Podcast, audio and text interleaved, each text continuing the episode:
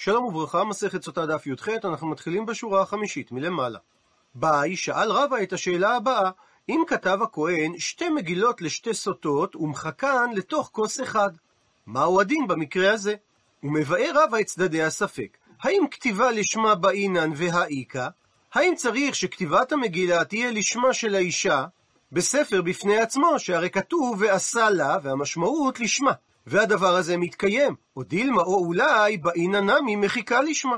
שגם המחיקה תתבצע בכוס נפרדת לשמה, לעצמה בלבד, כך שיהיה ניכר המחיקה שהיא לשמה.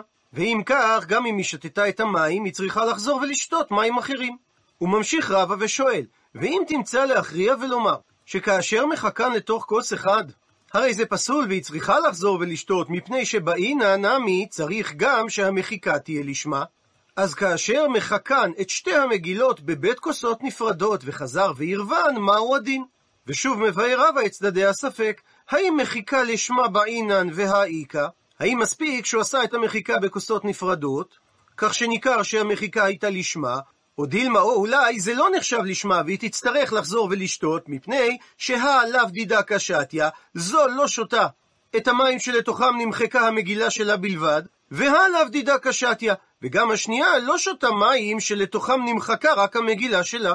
הוא ממשיך רבא ושואל, ואם תמצא להכריע ולומר, שכאשר מחכן בבית כוסות וחזר ועירבן, הרי זה פסול והיא צריכה לחזור ללשתות מפני שהלאו דידה קשתיה והלאו דידה קשתיה, שזה לא נחשב לשמה, בגלל שכל אחת שותה מים שמעורב בהם גם מגילה של השנייה, אז כאשר חזר וחילקן לשתי כוסות נפרדים, מהו הדין? האם במקרה כזה יש ברירה או אין ברירה? הוא מעיר תוספות במקום שהמינוח ברירה לא קשור למינוח ברירה שמופיע בגמרא במקומות אחרים, שבמקומות אחרים מדובר שלא הוכר חלקו של אחד מהצדדים לעולם, והשאלה האם מתברר למפרע שמה שהוא קיבל זה אכן חלקו, אבל במקרה שלנו הרי הוכר הכתב ונתערב לאחר מכן. וכדי להבין את שאלת הגמרא, נעזר בפירושו של הרב שאול קוסובסקי שחור, מחבר הספר דבר שאול ומרבני חוג חזון איש, שהיה משפטן ותלמיד חכם חרדי.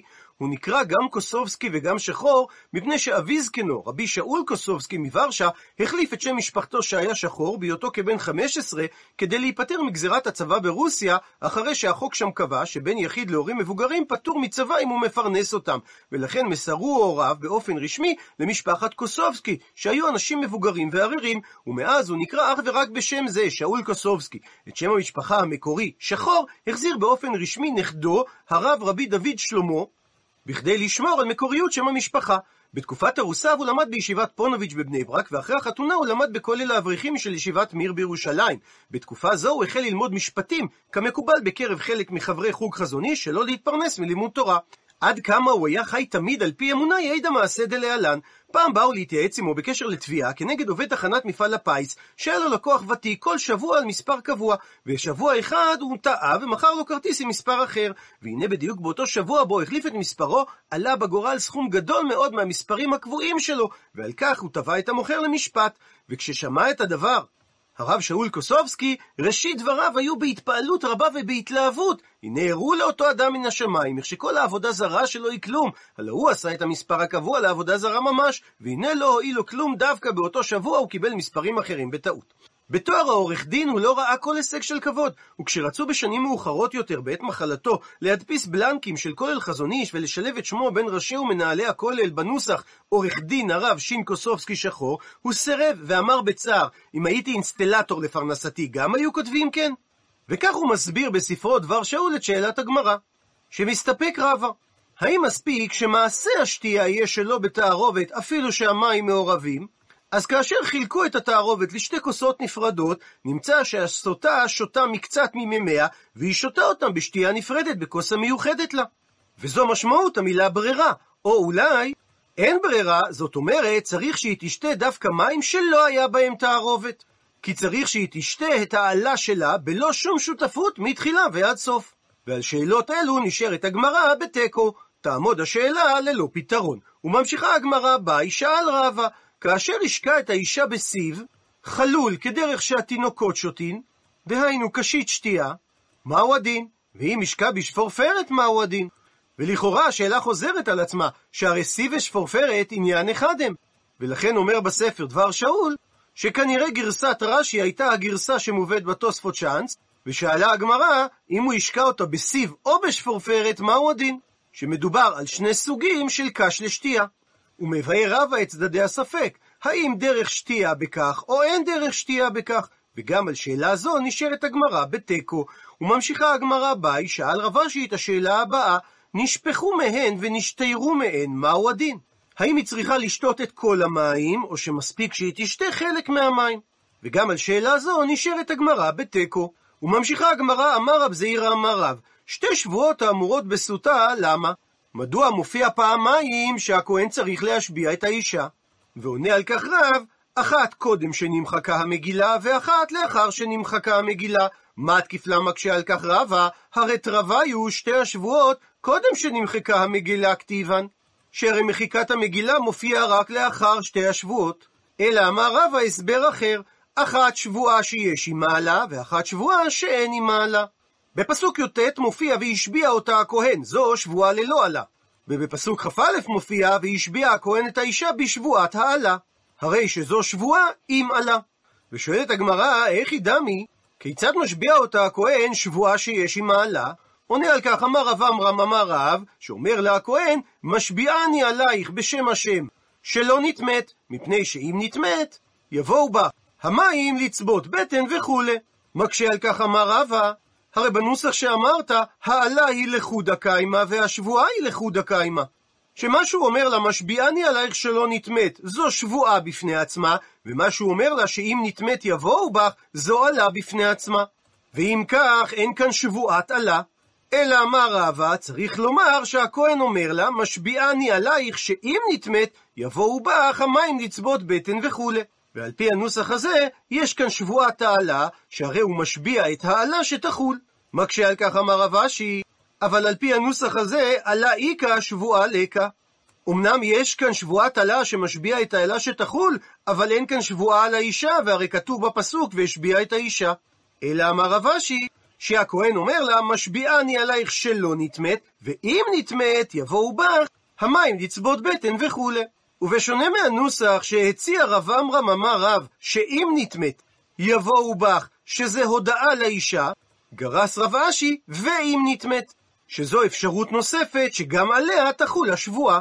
ובאופן הזה מתקיימת השבועה גם על האישה שהיא לא נטמאת, וגם על העלה שתחול. ואומרת המשנה, על מה היא אומרת אמן אמן, לאחר שהכהן משביע אותה? אומרת המשנה שהיא אומרת אמן על העלה, ואומרת אמן על השבועה. והיא מתכוונת גם לומר אמן שהיא לא נטמעה מאיש זה שבעלה קינא לה ממנו, והיא גם אומרת אמן שהיא לא נטמעה מאיש אחר. והיא גם אומרת אמן שלא סטיתי בהיותי ארוסה, וכן לא סטיתי בזמן שהייתי ונשואה. הוא מסביר רש"י שזה המקור לגלגול שבועה מן התורה, שאגב שמשביעים את האישה, מגלגלים עליה, דהיינו מוסיפים עליה שבועות נוספות, שתישבע שהיא לא זינתה בתקופת האירוסין, אף על פי שבתקופת האירוסין לא היה כינוי מהבעל. הפכנו דף, ושומרת יבם וכנוסה, שאם היא הייתה יבימתו, זאת אומרת, שהיא אלמנת אחיו שמת ללא בנים, והוא כנס וייבם אותה, ואז קינא לה והיא נסתרה, ומגלגל עליה שבועה, שהיא לא נטמעה גם כשהייתה בסטטוס של שומרת יבם. שזה אומר שהיא הייתה מצפה וממתנת ליבם שייבמנה. וממשיכה המשנה, האישה אומרת אמן שלא נטמאתי שזו קבלת השבועה, ואם נטמאתי, יבואו בי המים המרים המערערים. דהיינו, קבלת העלה. רבי מאיר אומר שהיא אומרת אמן שלא נטמאתי לשון עבר, והיא חוזרת ואומרת אמן שלא אטמא לשון עתיד. מפרש רש"י שאם היא תטמא לאחר זמן, המים שהיא שותה עכשיו יגרמו למותה לאחר שהיא תטמא. ואומרת המשנה, הכל שווין, יש הסכמה בין חכמים לבין רבי מאיר, שאין מתנה עמה, לא ניתן להשביע אותה, לא על התקופה קודם שתתארס, ולא על התקופה על אחר שתתגרש. אפילו לשיטת רבי מאיר, שאמר שניתן להתנות על העתיד. ועל מקרה נוסף, שלאחר שהיא התגרשה, היא נסתרה לאחד ונטמאת ממנו, ואחר כך החזירה בעלה הראשון, גם על מקרה כזה לא היה מתנה עמה. מפני שכאשר היא מגורשת, היא לא נאסרת לחזור על בעלה, אלא אם כן היא נישאת על ידי קידושין לאדם אחר, שהרי כתוב, לא יוכל בעלה הראשון אשר שילחה לשוב לקחתה, אבל רק אחר קידושים ונשואים, שכתוב והייתה לאיש אחר ושנאה האיש האחרון. הוא מסכם את המשנה, זה הכלל, כל בעילה שתיבעל האישה, ולא הייתה אסורה לו לבעל מחמת אותה בעילה, לא היה מתנה עמה. הוא לא יכול להשביע אותה, האם היא נבעלה בעבר או בעתיד, על תקופת זמן, שהיא לא נאסרת עליו מחמת אותה ביאה. ואומרת הגמרא, אמר רב ימנונה, שומרת יבם שזינתה, אסורה ליבמה. מסביר רש"י שמדובר שהיא זינתה כשהיא שומרת יבם, והיא נאסרת על היבם כאישה שזינתה תחת בעלה שאסורה לבעלה. ואומר רב ימנונה, ממאי, מהיכן אני יודע את הדין הזה? מדקתני, מכך שכתוב במשנה, שומרת יבם וכנוסה, שלאחר שכנס היבם את השומרת יבם, הוא יכול להשביע אותה במידה ויסותה גם על זנות שזינתה כשהיא הייתה שומרת יבם. הוא מדייק רב ימנונה, היא אמרת בי שלמה, נוח לי אם נסביר, ששומרת יבם שזינתה אסירה, היא נאסרת על היבם, משום הכי מתנה בהדה. לכן ברור מדוע הבעל יכול להתנות על ידי גלגול שבועה אף על אותו זנות שהיא זינתה כאשר היא הייתה שומרת יבם. אלא היא אמרת ששומרת יבם שזינתה לא אסירה על היבם, אז היכי מתנה בהדה. כיצד הוא יכול להתנות, לגלגל עליה שבועה, על כך שהיא לא זינתה כאשר היא הייתה שומרת יבם? והאתנן שהרי שנינו במשנה, זה הכלל, כל בעילה שאילו תיבעל ולא תהא אסורה לו מחמתה, לא היה מתנה עמה. ולכן בהכרח שומרת יבם שזינתה אסורה ליבם. אמרי אמרו על כך במערבה, שזה כינוי לארץ ישראל שנמצאת ממערב לבבל, שלט הלכתה כרב המנונה. ושומרת יבם שזינתה מותרת ליבם. אלא הדקתני, אז איך זה מסתדר עם מה שכתוב במשנה, שומרת יבם וכנוסה, שניתן לגלגל שבועה? גם על שומרת יבם שהיא לא זינתה, המאני, כשיטת מי המשנה, כשיטת רבי עקיבא היא, דאמר, אין קידושין תופסים בחי ולוין. שאדם שמקדש אישה אסורה עליו בלאו, שזה איסור שאין בו כרת, אין הקידושים תופסין, ומה שבילה? כי ערווה. משווה רבי עקיבא את איסור לה באותה דרגת חומרה כמו חייבי כרת. שאדם שנולד לו ילד מאישה שאסורה עליו בכרת או מאישה שאסורה עליו בלאו, הילד ממזר. ולכן לפי שיטת רבי עקיבא, כשם שאדם שבא לאשת איש שהיא אסורה עליו בכרת, הרי הוא אוסר אותה על בעלה, כך גם הבעל שומרת יבם, שהיא אסורה עליו באיסור לאו, שכתוב לא תהיה אשת המת החוצה לאיש זר, הרי שהוא אוסר אותה על היבם. אבל שיטת רבי עקיבא היא שיטת יחיד, שחכמים חלקו עליו ואמרו שאין קידושים תופסים בחייבי כריתות, אבל בחייבי לוין קידושים תופסים. ולכן אמרו חכמי ארץ ישראל שאין הלכה כרב המנונה, מפני שההוכחה לדבריו מהמשנה היא כשיטת רבי עקיבא שהוא שיטת יחיד. ועוד באותו עניין, באי שאל רבי ירמיה את שתי השאלות הבאות. שאלה ראשונה, מהו שיתנה אדם הנישואים הראשונים? מסביר רש"י, כגון אדם שגירש את אשתו והחזירה, ואז קינא לה והיא נסתרה. האם הוא יכול לגלגל שבועה על תקופת הנישואים הראשונים? שאלה שנייה, על נישואי אחיו מהו? מסביר רש"י, יבם שקינא לשומרת היבם שכנס, האם הוא יכול לגלגל עליה שבועה שהיא לא זינתה תחת אחיו, שהרי אם היא זינתה תחת אחיו, אז היא נאסרת על האח, וממילא גם נאסרת עליו. ובסוגריים מעיר רש"י, שלשון המשנה, ארוסה ונשואה, שומרת יבם וכנוסה, לא מדובר באותה אישה שישכנה היבם וישביענה על תקופת האירוסין והנישואים של אחיו, שאם כן, שאלת רבי ירמיה הייתה מיותרת. אלא, המשנה מדברת על שני מקרים. אם הבעל משקה את אשתו, אז הוא מתנה עימה על תקופת הנישואים הנוכחיים, וגם על תקופת האירוסים שקדמו להם. וזה הכוונה במילים ארוסה ונשואה. ואם היבם כנס את יבימתו וקינא לה והיא נסתרה, אז הוא מתנה עימה על התקופה שהיא כנוסה עמו, וגם על התקופה שקדמה לה, בה היא הייתה שומרת יבם. וזו כוונת המשנה במילים שומרת יבם וכנוסה. עונה הגמרא תשמע, בו שמע הוכחה מלשון המשנה, שכתוב, זה הכלל, כל שתיבעל ולא טועה אסורה לו בגלל אותה בעילה, על בעילה כזאת לא היה מתנה עימה. עד לכאן הציטוט מהמשנה, ומדייקת הגמרא, האסירה הכנה מדמתנה שמע מינה. אם מדובר על בעילת זנות שאוסרת אותה על הבעל, יכול הבעל להתנות עליה על ידי גלגול שבועה שמע מינה. הוא מסביר רש"י, וזו נאסרת אליו גם אם היא זינתה עליו בתקופת הנישואים הראשונים, וכך גם נאסרת היבמה על היבם אם היא זינתה על אחיו שנפטר. כפי שאמרה המשנה בתחילת המסכת, ואם אמת חולצת ולא מתייבמת. ציטוט מהמשנה, רבי מאיר אומר, אמן שלא נטמאתי וכולי. ומביאה על כך הגמרא, תניא, שנינו בתוספתא.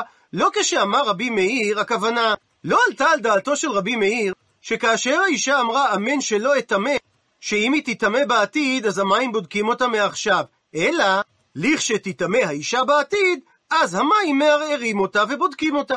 שבנקודת הזמן העתידית, המים שהיא שותה עכשיו חוזרים לה לתוך גרונה כאדם הנחנק על ידי משקה שהוא נראה כעושה ערער, שזה לשון זעקת שבר, כלשון הפסוק בישעיה יעוררו. וממשיכה הגמרא ומרחיבה את שיטת רבי מאיר שאמר שאדם מתנה על העתיד. בא ישאל רב מהו שיתנה אדם על נישואים האחרונים? האם הבעל יכול להתנות עמה בגלגול שבועה שהיא לא תטמא אם הוא יגרש אותה ויחזירנה פעם נוספת? ומבאר רב אשי את צדדי הספק, השתמיה לא אסיר עלי. הרי עכשיו, לעניין הנישואים הנוכחיים, היא לא תאסר עליו גם אם היא תטמא בנישואים העתידיים. ולכן אולי הוא לא יכול לגלגל עליה שבועה. או דילמה, או אולי התכוון רבי מאיר, שזימנין דמגרש לה והדר מהדר לה, שייתכן שבעתיד האדם יגרש אותה ואחר כך יחזיר אותה, והוא יכול כבר עכשיו להתנות על כל ביאת זנות שתגרום לאישה להיאסר עליו אפילו אם זה בעתיד. עונה הגמרא, תשמע, בו שמע הוכחה מלשון המשנה שאמרה, הכל שבין שלא היה מתנה לא על קודם שתתארס ולא על אחר שתתגרש. ובמקרה שהוא גירש אותה, ואז היא נסתרה לאחד, ונטמאת, ואחר כך יחזירנה, על מקרה כזה לא היה מתנה. מפני שזנות כזאת לא אוסרת אותה עליו. עד לכאן לשון המשנה, ומדייקת הגמרא, היחזירנה ותטמא, החנמי דמתני. אבל הוא כן יכול להתנות על מקרה עתידי שהוא יחזירנה ולאחר מכן היא תטמא. שמע מינה, אז מכאן ניתן לדייק לפי רבי מאיר, שניתן לגלגל שבועה עתידית, שהיא לא תטמא לאחר שהוא יגרשנה ויחזירנה. ומביאה הגמרא, תנו רבנן, שנו רבותינו בברייתא, על הפסוק, זו תורת הקנאות אשר תסטה אישה תחת אישה ונטמעה. כאשר המילה זאת היא מילה של מיעוט, זאת ולא אחרת, והמילה תורה היא ריבוי, שתורה אחת תהיה לכל הקנאות שבכולן יעשה לה כתורה הזאת. ועל פי זה לומד תנא קמא, מלמד שהאישה שותה ושונה, שכל פעם שהבעל מקנא לה, היא שוב שותה את המים המרים המערערים. רבי יהודה לעומת זאת אומר, שמהמילה זאת לומדים שאין האישה שותה ושונה. ואמר רבי יהודה שיש סייעתא לדבריו, שהרי מעשה והעיד לפנינו נחוניה שהיה חופר שיחין, כדי להכניס מים לעולי רגלים בשדות ובדרכים, והוא העיד שהאישה שותה ושונה, ואומר רבי יהודה, וקיבלנו עדותו בשני אנשים. אבל לא קיבלנו עדותו באיש אחד. מסביר רש"י, אם מת בעלה זה שהשקע אותה, והיא נישאת לאחר, וקינא לה האחר והיא נסתרה, אז קיבלנו את עדותו של נחוניה, שישכנה הבעל השני, הפכנו דף, מפני שרבי יהודה דורש את המילה הזאת, למעט שהאישה אינה שותה ושונה על ידי בעל אחד שחזר וקינא לה. ודרש רבי יהודה את המילה תורת לרבות שהאישה שותה פעם שנייה על ידי קינה של הבעל השני. ומזה שאמר רבי יהודה שעל ידי הבעל השני חוזרת ושותה, מכלל שתנא קמא סובר, שאפילו כאשר מדובר על קנאה חוזרת מצד הבעל הראשון, יכולה האישה לשתות מספר פעמים. וחכמים אומרים שאין האישה שותה ושונה, בין אם מדובר על קנאה באיש אחד, בין אם מדובר על קנאה בשני אנשים. עד לכאן לשון הברייתא, ושואלת הגמרא, ותנא קמא נמי הכתיב זאת, ורבנן בתראי נמי הכתיב תורת. הגמרא לא שואלת על רבי יהודה, מפני שהוא דרש את המילה זאת למיעוט, שאין האישה שותה ושונה באיש אחד, ואת המילה תורת לריבוי, שהאישה שותה ושונה בשני אנשים. אבל תנא קמא שאמר שהאישה שותה ושונה, קשה עליו. מה הוא ממעט מהמילה זאת? ועל חכמים שאמרו שאין האישה שותה ושונה, בין אם מדובר באיש אחד, בין אם מדובר בשני אנשים קשה, מה הם ריבו מהמילה תורת? עונה על כך אמר רבא, באיש אחד ובועל אחד, דכולי עלמא לא פליגי, אין מחלוקת, וכולם מסכימים, דאין האישה שותה ושונה. הפכנו דף, מפני דכתיב את המילה זאת שהיא מילת מיעוט. ומצד שני, כאשר מדובר בשני אנשים שהיו נשואים לאישה ושני בועלים שונים, דכולי עלמא לא פליגי, אין מחלוקת וכולם מסכימים, דהאישה שותה ושונה, דכתיב שהרי כתוב את המילה תורת שהיא מילת ריבוי. כי פליגי, מתי נחלקו? באיש אחד ושני בועלים, או בשני אנשים ובועל אחד. תנא קמא סבר שהמילה תורת באה לריבויי את כולי כל המקרים, והמילה זאת באה למיעוטי את המקרה של איש אחד ובועל אחד, שרק במקרה הזה אין האישה חוזרת ושותה.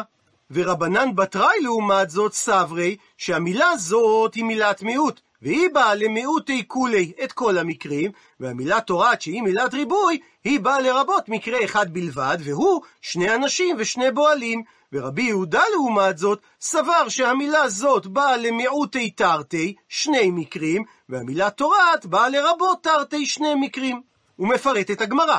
המילה זאת באה למיעוטי תרתי שני מקרים שהם איש אחד ובועל אחד, איש אחד ושני בועלים, והמילה תורת באה לריבוי תרתי, לרבות שני מקרים שהם שני אנשים ובועל אחד, או שני אנשים ושני בועלים. הוא מסביר רש"י את שיטת רבי יהודה, שאחרי שריבה הכתוב ומיעט, והוא לא פירש מה ריבה ובא מיעט, על כורכך לא מסרן הכתוב, אלא לחכמים לפרש לך לפי חוכמתם מה ריבה ומה מיעט. ומסתבר שהריבוי הוא על מקרה של שני אנשים, אפילו אם מדובר על אותו בועל, אבל לא על מקרה שמדובר על שני בועלים אם מדובר על בעל אחד, כיוון שהרי הבעל כבר קינא לה והיא נמצאת נקייה, אז נראה הדבר שהבעל הוא אדם קטרן ומתכוון להקניתה, ולכן למד רבי יהודה שהמילה זאת באה למעט, שאין האישה שותה ושונה כאשר מדובר על אותו בעל, בין אם מדובר על חשד מהבועל הראשון, בין אם מדובר על חשד מבועל שני. ונסכם את הדעות בטבלה הבאה. לפי תנא קמא, המילה תורת מרבה את כל המקרים, איש אחד ושני בועלים, שני אנשים ובועל אחד, שני אנשים ושני בועלים. והמילה זאת באה למעט מקרה אחד בלבד, והיא איש אחד ובועל אחד. רבנן בתראי לעומת זאת סוברים בדיוק את השיטה ההפוכה, שהמילה תורת באה לרבות מקרה אחד בלבד שבו האישה שותה ושונה, והוא שני אנשים ושני בועלים, אבל המילה זאת באה למעט את כל שאר המקרים. בשיטת רבי יהודה לעומת זאת, מרבה מהמילה תורת כל מקרה שבהם יש שני בעלים, וממעטת מהמילה זאת כל מקרה שיש רק בעל אחד. בשעה טובה הדרן הלך פרק היה מביא, עד לכאן דף י"ח.